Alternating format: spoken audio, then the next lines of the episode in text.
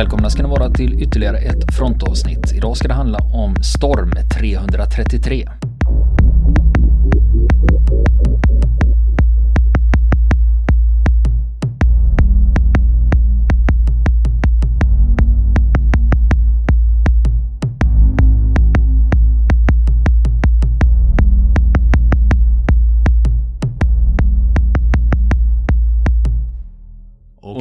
Sitter Niklas och tittar på mig som, jag, Ja. som ett riktigt frågetecken. Ja, Om jag säger kodnamn Storm 333, det ringer ingen klocka någonstans. ja, jag får väl visa min obildning då Nej, här. det, ska, det, det, det, är ingen fara. Jag vet Jag ju. har, nej, det ringer in, det, det ringer inte en klocka någonstans. Ja. Jag säger att det är kuppen mot presidentpalatset i Kabul 1979. Jaha, det hade, visste jag ju inte. Nej, men att det hade ett kodnamn. nej, men du kände till att det hände. Jajamän, jo, det Och har jag fullt Den här är en väldigt, väldigt intressant militär operation Aha. när Sovjet genomför en statskupp i Kabul Mm. med spetsnazförband. Så jag vet om att det är flera lyssnare som har hört av sig och vill höra om specialförband. Mm. Och eh, då får ni spetsa öronen för nu blir det spetsnaz. Mm. Så det Jag, sprutar har, jag har träffat spetsnazsoldater Var någonstans då? i Centralasien. I Centralasien? I Tadzjikistan. Hade någon randiga t-shirtar under? Så de hade svarta overaller. Mm. Och eh, kralliga killar, korta kralliga killar i svarta overaller. Mhm. Eh, de var på permission, de hade inte, var inte full, fullutrustade men de hade sina overaller på sig fortfarande. Mm. Vilket land var det här? Det är Tadzjikistan, före detta Sovjetrepublik. Vad fan Så du? där de hade ryska eh, trupper stationerade vid gränsen mot Afghanistan. Mm. eh, Vad vid gjorde den här du där? tiden. Var, var det Nej, det var, det var ett projekt, jag var där och utbildade journalister Okej. eh, för några år sedan. Mm. Runt 2005-2006. Vad fick du för intryck av dem då? Eh, Pratar du med killar, dem? det, det var ju svårt om man säger så, men jag, jag eh, iakttog dem mycket så kan man väl säga. Det fanns även franska främlingslegionärer i landet, gjorde det då, en, en kontingent. Men de här spetsna soldaterna, man, man skulle väl kunna beskriva dem att deras utstrålning var killar som du inte gärna söker ögonkontakt med. Det hade kunnat stå Hells Angels på ryggen. Var tuffa Lite killar alltså. Tuffa, tuffa snaggade killar. Då. Såg ut som riktiga flåbusar. Gjorde de. Så att eh, visst, jag har eh, min, min ryska räckte inte för att föra ett intelligent samtal men annars hade jag nog försökt. Efter några bärs så Ja, då talar alla. talar alla flytande, Flytande. valfritt språk. Jajamän. Jo, eh, det vi ska prata om, det heter, kodnamnet var Storm 333. Just Och det är när spetsnazstyrkor stormar presidentpalatset i Kabul 1979 för att störta presidenten Amin som satt där då. Inte Idi Amin, utan Just det. det fanns en ett till annat land, president, ett annat Amin. det. Eh, Och det, det som hade hänt i Afghanistan innan dess, de hade haft tre statskupper på 20 månader. Det låter ju som värsta bananrepubliken, men det var det som hände i, i Afghanistan i slutet av 70-talet. Men vi startar den här historien och då är det 1978, året dessförinnan, 27 april, då genomför afghanska officerare som är utbildade i Sovjet en militärkupp och installerar Takari som president. Och han är Sovjetvänlig och han genomför reformer och försöker få landet eh, kommunistiskt och närma sig Sovjet så mycket som bara går. Och det här var inte populärt på alla håll och på vissa håll i armén så är de missnöjda och det sker utrensningar i officerskåren för att man ska ha rättrogna officerare då. Och det sker ett stort uppror i staden Herat i mars 1979 och större delen av 17 infanteridivisionen ansluter sig till upproret men det slås ner med bland annat flygbombningar av staden och 17 infanteridivisionen bombas också.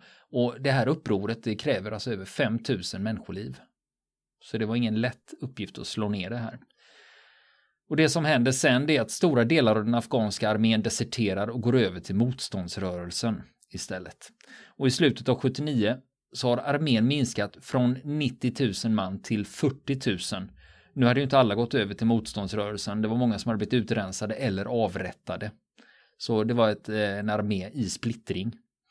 Och i september 1979 då mördas president Takari av sin premiärminister Amin. Och han blir ny president, Amin då. i september. Och Takari, han hade kvävts till döds med hjälp av kuddar. Det är bara det att man slutar prata om honom och låtsas inte om någonting.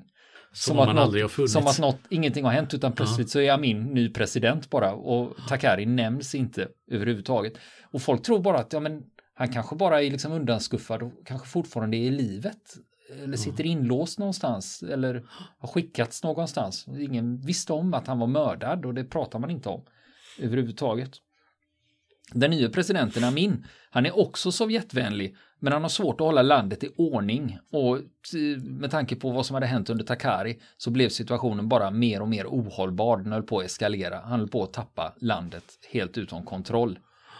Och redan 78, då hade Moskva börjat planera för att ta över i Afghanistan. Så de hade långt gångna planer på att kliva in innan allting gick helt överstyr. Och sovjeterna hade ju erfarenhet både Ungern 56 och Tjeckoslovakien 68. Då hade de ju övat på hur mm. man tar över ett annat land. Så de visste ju hur man skulle bära sig åt. Och nu skulle man använda de här erfarenheterna i ett skarpt läge. 56 gick det inte riktigt så bra. Det var mycket det strider, strider, och det var inte mm. alls det man var ute efter. Då tyckte de att, eh, om vi tittar på hur det gick i Tjeckoslovakien 68, då gick det bättre. Mm. Och hur hade vi gjort då? Så man använde de här två statskupperna som eh, förlaga mm. för hur man ska bete sig i Kabul för att ta över det här så snabbt och smidigt som möjligt. Och grejen var så här att Afghanistan, med tack vare att de hade haft Sovjetvänliga presidenter, så hade de redan ett eh, militärt samarbete med Sovjet. Så det fanns redan sovjetiska enheter i landet. Och då är det ju lite lättare att genomföra en statskupp när du har personal på plats. Och planen var att de här styrkorna inte bara militära styrkor utan även styrkor från KGB. De skulle inleda övertagandet med att avväpna och slå ut nyckelpunkter i Afghanistans militär. Och luftburna trupper och spetsna skulle ta flygbaser, större vägar, de skulle ta huvudstaden, regeringsbyggnaderna och kommunikationerna. Och deras uppgift var också att tillfångata eller döda regeringsmedlemmar. Sen skulle marktrupper komma in i landet från Sovjet och då tar man större städer och större vägar och slår ner eventuellt motstånd. Och så tillsätter man samtidigt en ny regering och så erkänner man den fort som fan av Sovjet att detta är landets lagliga regering. Och eh, de andra östländerna hänger ju på också och eh, bekräftar det här också. Och erkänner de ny, den nya regeringen fort som fan. Mm. Och man förbereder ju sig sedan 78 och sen i november 79 då skickar man en bataljon Spetsnaz till Kabul. Och de hade afghanska uniformer och de ingick i presidentens säkerhetsstyrkor. Ja, livgarde då. Mm. Och den här bataljonen kallades Muslimska bataljonen. Och det var för att medlemmarna, de kom från Afghanistans grannländer. Mm. De var ju sovjetiska. Men eh, det var ju... Eh, Muslimska Sovjetrepubliker. Ja, Tadzjikistan, Uzbekistan och så vidare. Mm. Och sen var vitsen också att de pratade språken som pratades i Afghanistan. Mm. Pashto, Dari, Tadzjikistanska, Uzbekistanska. Så de var mm. ganska språkkunniga då. Så de stod ju kulturellt nära de mm. afghanska soldaterna. Mm. Sen i december då kommer två KGB-plutoner. Totalt 60 man kommer till Kabul. Och de plutonerna heter Grom, det betyder åska. Mm. Eftersom det är ett O med så misstänker jag att det uttalas som ett A. Grom, nej det, det, det är ju Moskva-dialekt i så fall. Fast det, i det här fallet så uttalas det Grom. Grom. Ja, det är om du har flera vokaler mm. i det och be, vokalen, ja, betoningen ligger på en annan vokal än O då. Mm. Då är det, uttalas det A. Gör det. De här två plutonerna, ja. de heter Grom och en heter Zenit. Mm. Och de börjar spana på sina objekt. Och totalt, eh, om man tittar på alla mål som ska tas i Kabul ja. nu, det är 13 stycken. Nu är inte de här 60, de här två plutonerna som ska ta de här 13 målen, men eh, totalt sett så är det 13 mm. mål som ska tas. Och senare samma månad i december, då kommer det in ytterligare förstärkningar till plutonen Zenit. Det var så här att president Amin, han hade begärt militär hjälp från Sovjet, så när det kommer ryska trupper till Kabul, då blir han helnöjd. Sen får ni ursäkta mig om jag säger ryska omväxlande sovjetiska eh, här, men eh, ni fattar vad jag menar. Eh, men presidenten blir nöjd. Titta, nu kommer de ryska styrkorna precis som jag ville, för han hade begärt stöd. Va? Och de kommer överens om att det ska rulla in ryska trupper alltså markvägen och det är han helt med på. Han tycker det är mm. jättebra. Han vet till och med att hela 40 armén ska rulla in över gränsen snart. Och det planerar de gemensamt med sovjetiska och afghanistanska officerare hur det här ska gå till när 40 armén tågar in i landet. Mm. Sen är vi framme vid 25 december. Det är vinter. Och på en del håll i Kabul är snön midjedjup. Och på gränsen mellan Afghanistan och Sovjet, då lägger ryska ingenjörsförband ut pontonbroar över gränsfloden. Och bakom gränsfloden står 40 armén och väntar på sin marschorder. Att de ska köra över gränsen. Och vid lunchtid får 40 ordern att de ska starta klockan 15. Och det gör de. Samtidigt så flyger ryska transportflygplan in 103 luftburna divisionen och 345 fallskärmsjägarregementet. Mm. Och det här var inga små förband. Och få in och mata in de här i luftvägen. Afghanistan, luftvägen. Precis. Det var 343 flygningar och 47 timmar tog det att få in alla mannar och allt materiel till dem. Och även 25 december samma dag då träffas de sovjetiska rådgivarna i Kabul för att smida planer. Och deras uppdrag var att förhindra afghanska trupper att nå Kabul. Ytterligare en uppgift de hade, det var att underlätta luftlandsättningen. Och eftersom de ändå arbetade ihop med afghanska luftförsvaret så kunde de sabba luftvärnen runt om i Kabul genom att antingen skruva bort sikten eller bara låsa fast kanonerna så de inte gick att använda. Och då skulle de sovjetiska planen kunna flyga in obehindrat. Mm. Så det är en fördel när man ska göra en statskupp att ha folk på plats. Precis. Precis. Och, och huvudmålet här, det var att döda president Amin och ta Kabul snabbt. Och därför kunde de inte vänta på de här luftlandsättningstrupperna eller att de motoriserade divisionerna skulle anlända. Och därför skulle de använda sig av de spetsnazförband som fanns i stan och vid flygbasen Bagram. Och flygbasen Bagram känner vi ju till, den har ju figurerat mm. även i modern historia, fast med en annan flagga. Precis. Och just här så fungerar den som ett brohuvud in i landet redan innan marktrupperna har, har eh, börjat rulla då. In. Precis. Eh, och framskjutna enheter från 345 separata fallskärmsjägarregementet fanns också på plats och sen hade man de militära rådgivarna. Det var styrkorna. Men sen var det inte bara sovjetiska styrkor som skulle hjälpa till, för de fick faktiskt stöd från vissa personer och grupper i Afghanistan för att genomföra den här kuppen. Bland annat Babrak Kamal. Det var han som sovjeterna skulle installera som president efter kuppen. Han lovade att jag ska bidra med 500 soldater.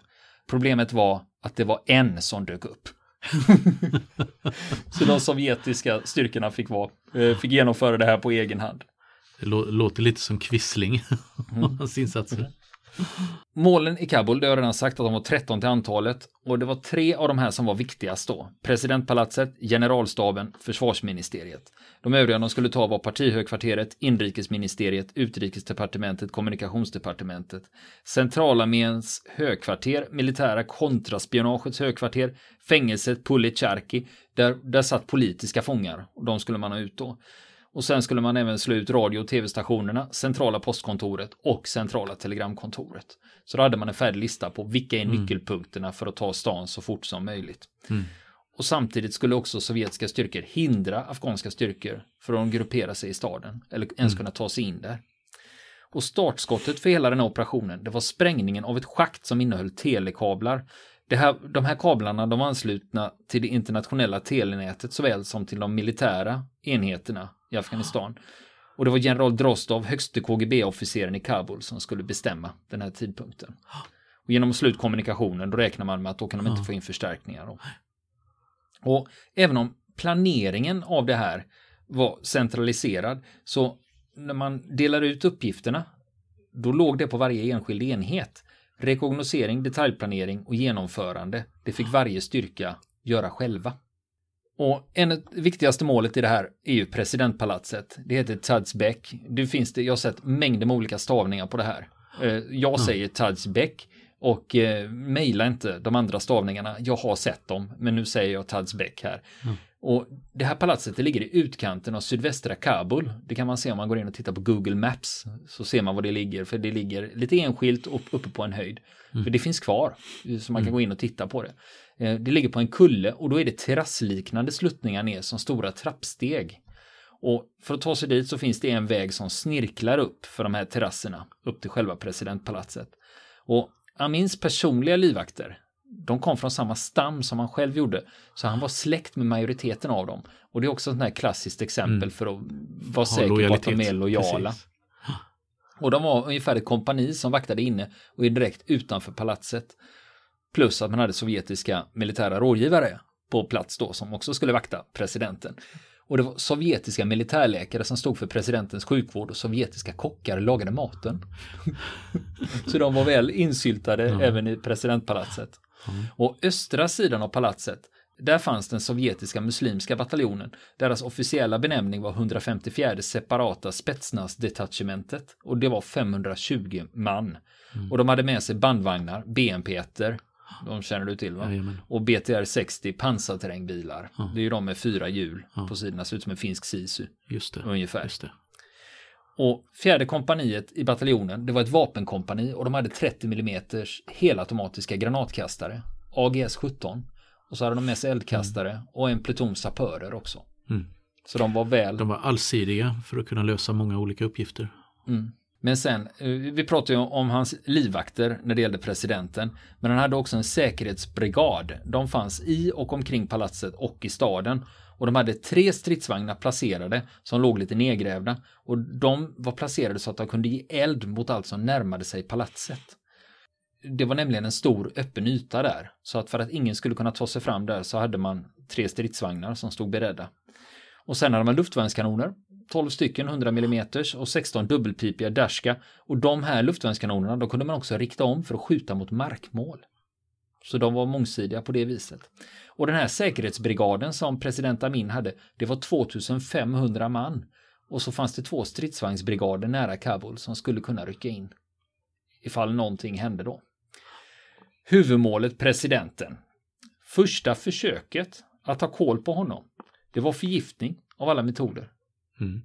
Han hade ju sovjetiska kockar. Och om giftet misslyckades då skulle palatset anfallas. Markvägen. Problemet var att framryckningen till palatset skulle ske över öppen mark. Och då låg de inom räckhåll för både de här stridsvagnarna, Dörska och sen fanns det även kulsprutevärn. Och ett tag under planeringen så övervägde sovjeterna ett tag att anfalla med helikoptrar. Mi-8. Och då tänkte man, vi kan landa på palatsets tak. Men då kom de på det, nej men vänta lite nu här. Palatsets tak lutar, det är vinter, det är is och det är mörkt. Så de övergav ganska snabbt den här helikopterplanen då. Dessutom hade man varit tvungen att slå ut luftvärnet innan. Så istället så valde man bort helikopteralternativet och nu var det markanfall som gällde då. Och det var tre grupper som skulle genomföra anfallet mot presidentpalatset.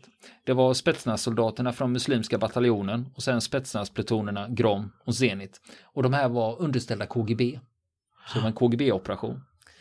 Och en del i planen, det var att anordna en mottagning i presidentpalatset redan den 25, några dagar innan. Ah. Och då hade de bjudit in officerare från säkerhetsbrigaden.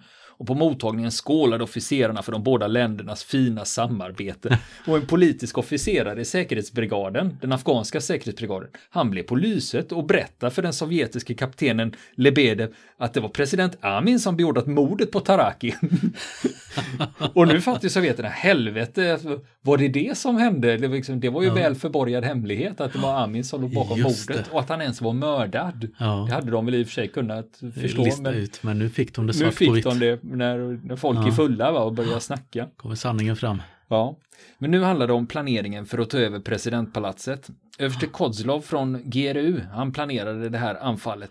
Och det viktigaste var ju luftvärnet då. Få ut luftvärnet så fort som möjligt. Och han beslutade att en ingenjörspluton plus två granatsprutor, de här AGS-17 då, de skulle klara det.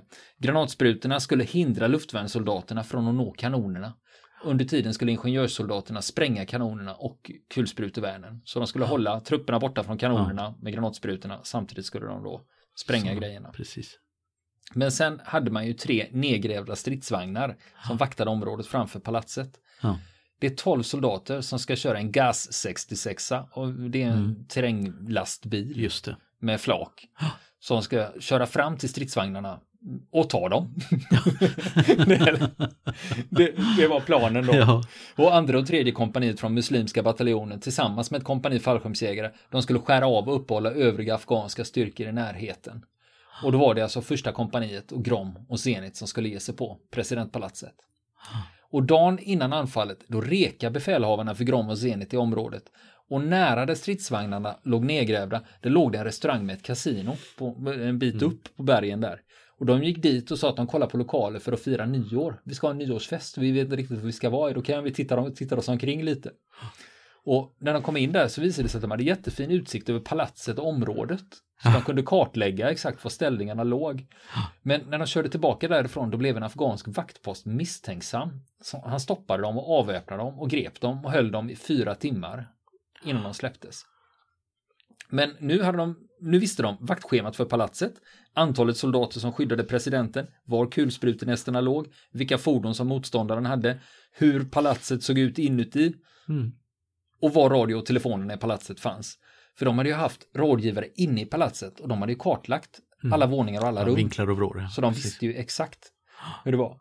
Men nu var det så här att ibland kan man ju liksom mm, bli lite överoptimistisk och tycka att allting går så jävla bra. Så någon måtta fick det vara på det här. För Drostov han bad sin sambandsofficer att be afghanerna att dra ner på antalet soldater som vaktade palatset.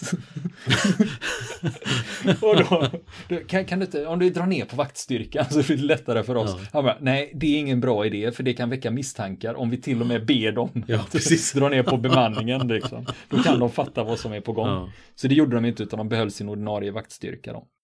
Och nu har vi hört planeringen av Storm 333. Och nästa vecka ska ni få höra om genomförandet av kuppen i Kabul 1979. Jo du Niklas, vi får lite lyssnarmail emellanåt. Eh, Det är lite Mm. blandad kompott. Vi Ja, börjar med Jonas spännande. Bratt här. Han eh, har lyssnat på vårt avsnitt om USS Intrepid och han har en rättelse. Mm. Och det var att eh, den hette Fighting I som är Ivar. Jag sa Fighting One. Och, och det Mm. Ah, stämmer inte, den heter. Mm. Fighting Eye. Och plötsligt så blir den här ordvitsen förståelig. För det Mm. fanns ett smeknamn för den låg i torrdocka så ofta. Den kallades ju för Fighting Dry. Ja, just Och då det. rimmar ju det på. Fighting Eye. Och då Just fick det. det sin förklaring. Det var jag som hade läst till helt enkelt och trodde att den hette Fighting One. Och sen har han ett förtydligande också när vi pratar om att eh, skeppet blev träffat av en, eh, vad amerikanerna själva skrev att det var en Air Torpedo. Mm. Där skriver Jonas Bratt att det var en Oka som, trä- eh, som träffade skeppet. Och den påminner om en tysk Veta och inte V2 som vi. Sa vi V2? Ja, nu, nu blir jag osäker Ja. på vad fan jag har sagt liksom. Ja. Nej, det, nej, precis. Nej, de, de ser ju ut som en, eh, lite grann som en V1, det stämmer. För de Fast var de var bemannade. Och raketdrivna va? Ja, var det inte just så? Det, just det. Fruktansvärda hastigheter med den tidens mått mätt. Jajamän, stämmer. Tack ska du ha för det Jonas. Ja, vi är tacksamma för alla sådana korrigeringar. Även de bästa gör fel ibland. Nej, men hör ni något? Och ibland så är det självklart att vi läser fel eller har missuppfattat någonting. Så är det bara att Ja. slänga iväg ett mejl. Och vi tar upp, vi är inte liksom, vi har ingen stolthet i det här utan rätt ska vara rätt. Mm. Vi tar gärna emot rättelser.